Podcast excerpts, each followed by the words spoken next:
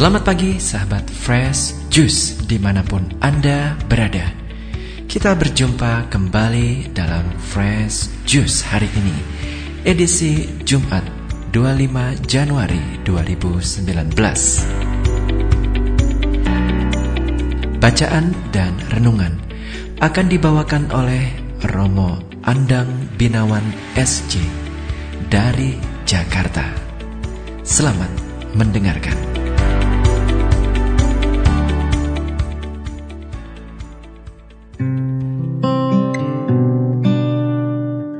Rekan-rekan terkasih, selamat pagi.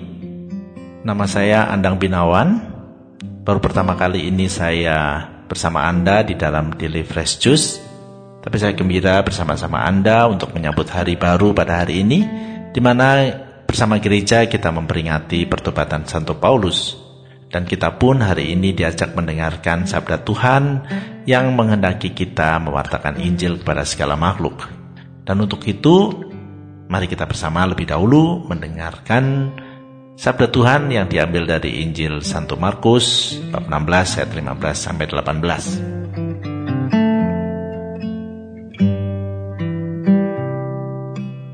Sekali peristiwa, Yesus yang bangkit dari antara orang mati menampakkan diri kepada kesebelas murid dan berkata kepada mereka, Pergilah ke seluruh dunia, beritakan Injil kepada segala makhluk. Siapa yang percaya akan dibaptis akan diselamatkan, tetapi siapa yang tidak percaya akan dihukum. Tanda-tanda ini akan menyertai orang-orang yang percaya. Mereka akan mengusir setan-setan demi namaku. Mereka akan berbicara dalam bahasa-bahasa yang baru bagi mereka. Mereka akan memegang ular dan sekalipun minum racun maut, mereka tidak akan mendapat celaka. Mereka akan meletakkan tangannya atas orang sakit dan orang itu akan sembuh. Demikianlah Injil Tuhan.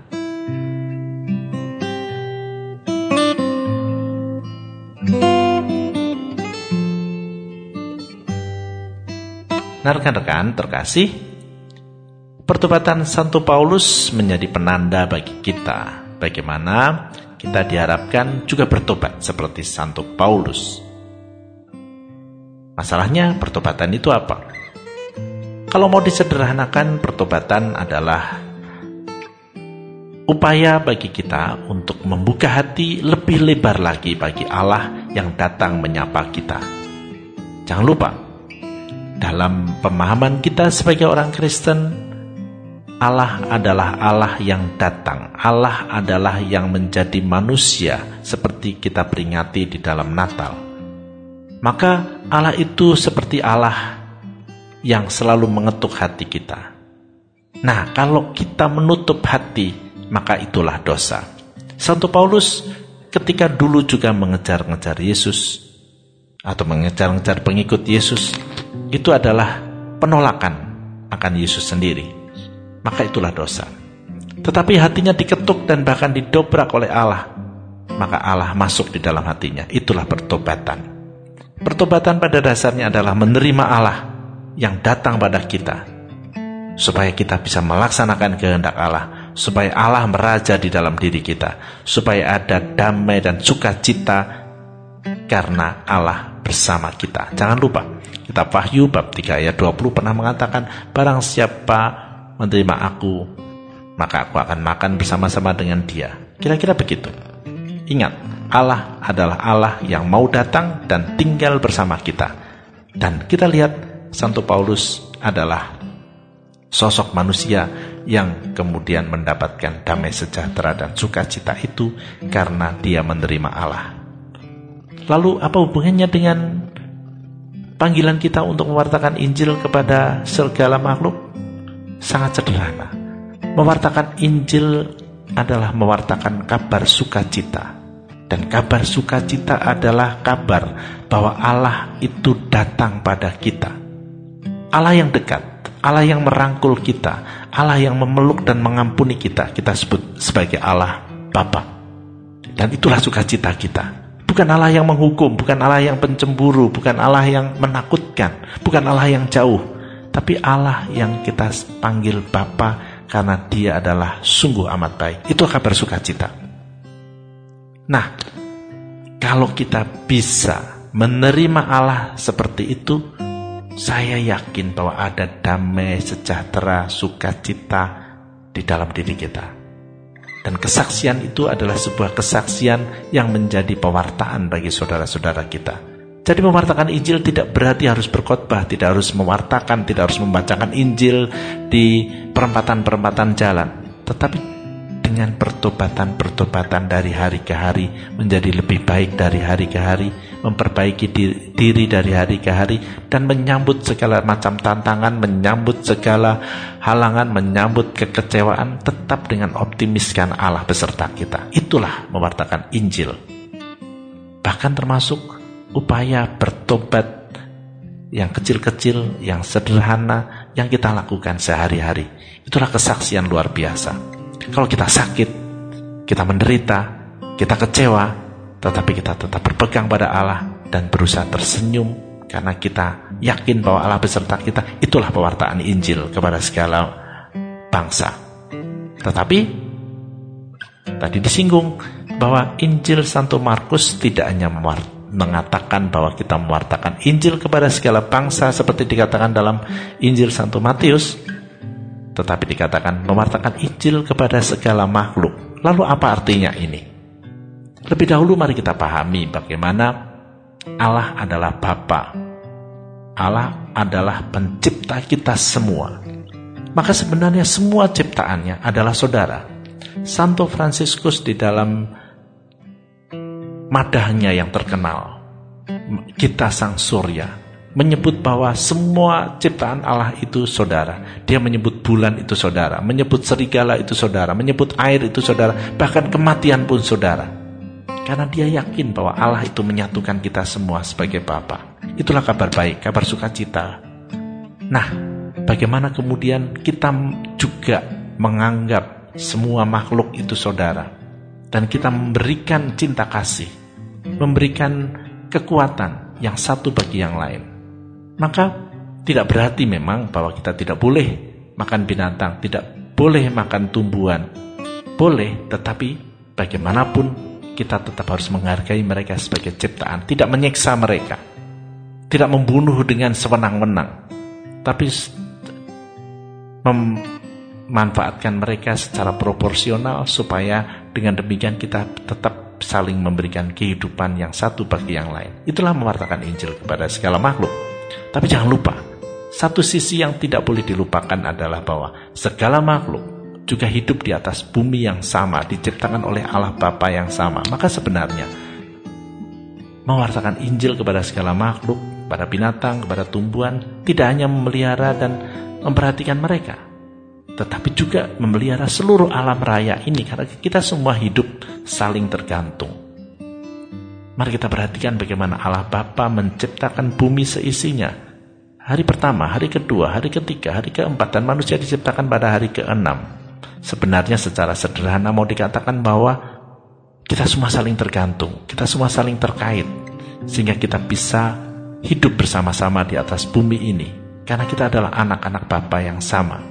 Maka di situlah saya kira kita perlu saling memelihara termasuk bagaimana kita memelihara bumi ini supaya hidup bersama. Air kita pelihara supaya binatang-binatang dan tanaman pun juga mendapatkan kehidupan. Kita memelihara udara yang baik, tidak menimbulkan polusi. Kita memelihara tanah supaya dapat menumbuhkan tanaman-tanaman dan binatang-binatang hidup dengan baik. Maka semuanya adalah kasih kalau kita lakukan sebagai anak-anak Bapa yang sama. Nah, Lalu apa yang bisa kita lakukan? Banyak-banyak sekali. Bapak Uskup dalam surat gembala yang lalu yang baru kita dengar di dalam perayaan Ekaristi Sabtu Minggu kemarin sebagai pembuka tahun hikmat mengisahkan juga bagaimana seekor paus mati karena makan plastik. Itu mau mengingatkan kita bagaimana bahaya plastik sekarang ini mengancam bumi ini bukan hanya mengancam ikan, tapi juga mengancam manusia. Plastik ada di mana-mana, kita temukan di tanah, kita temukan di air, kita temukan di pinggir jalan, kita temukan di laut. Itu bahaya besar. Kalau kita tidak mengurangi plastik, misalnya, maka sebenarnya kita tidak mewartakan Injil kepada segala makhluk. tentu saja kita bisa melakukan dengan lebih konkret bagaimana kita mengurangi plastik itu. Berbelanja dengan bawa kantong sendiri, mengurangi sedotan plastik, mengurangi pemakaian-pemakaian styrofoam seperti yang pernah digerakkan di Kuskupan Agung Jakarta ini. Kalau contohnya di Jakarta dengan semboyan pantik foam, pantang plastik dan styrofoam yang dianjurkan setiap prapaskah tapi sebenarnya tidak hanya bagian prapaskah saja, tapi seluruh hidup kita. Karena itu pertobatan terus-menerus menjadi lebih baik, pertobatan untuk mewartakan Injil kepada segala makhluk. Nah teman-teman, mari sungguh-sungguh kita upayakan panggilan kita bertumbuh dan berbuah, saling menjadi berkat tidak hanya untuk sesama, tidak hanya untuk keluarga, tidak hanya untuk bangsa manusia, tetapi juga segala makhluk, bahkan seluruh bumi ini. Supaya dengan demikian Allah sungguh-sungguh dipuji sebagai Bapa yang merangkul dan menciptakan semuanya.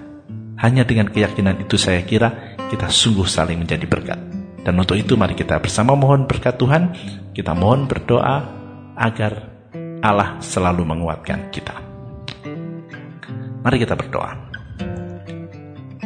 Allah Bapa sumber kehidupan kami bersyukur bahwa Engkau memberikan rahmat kehidupan kepada kami pada hari ini kami kau percaya lagi untuk hidup, bukan hanya sekedar supaya hidup, tapi supaya tumbuh dan berbuah, saling menjadi berkat, dan terutama juga pada hari ini kami diingatkan untuk menjadi berkat bagi alam raya ini. Maka bimbinglah dan bukalah hati kami ya Allah, supaya dengan kekuatan dan cintamu, dengan terang dan bimbinganmu, kami dapat selalu ingat untuk memelihara bumi seisinya, seperti diperintahkan oleh Yesus putramu untuk membartakan Injil kepada segala makhluk. Bimbinglah hati kami supaya kami pun mampu bertobat seperti Santo Paulus juga di dalam hidup kami sehari-hari, mulai dari diri sendiri, mulai hari ini, supaya kami memuliakan namamu dengan perbuatan-perbuatan kami. Maka ya Tuhan, kami mohon berkatmu di dalam nama Bapa dan Putra dan Roh Kudus, supaya hidup kami sungguh memuliakan namamu. Amin. Sahabat Fresh Juice, kita baru saja mendengarkan Fresh Juice Jumat 25 Januari 2019. Segenap tim Fresh Juice mengucapkan terima kasih kepada Romo Andang Binawan untuk renungannya pada hari ini. Sampai berjumpa kembali dalam Fresh Jus edisi selanjutnya. Tetap bersuka cita dan salam Fresh Juice.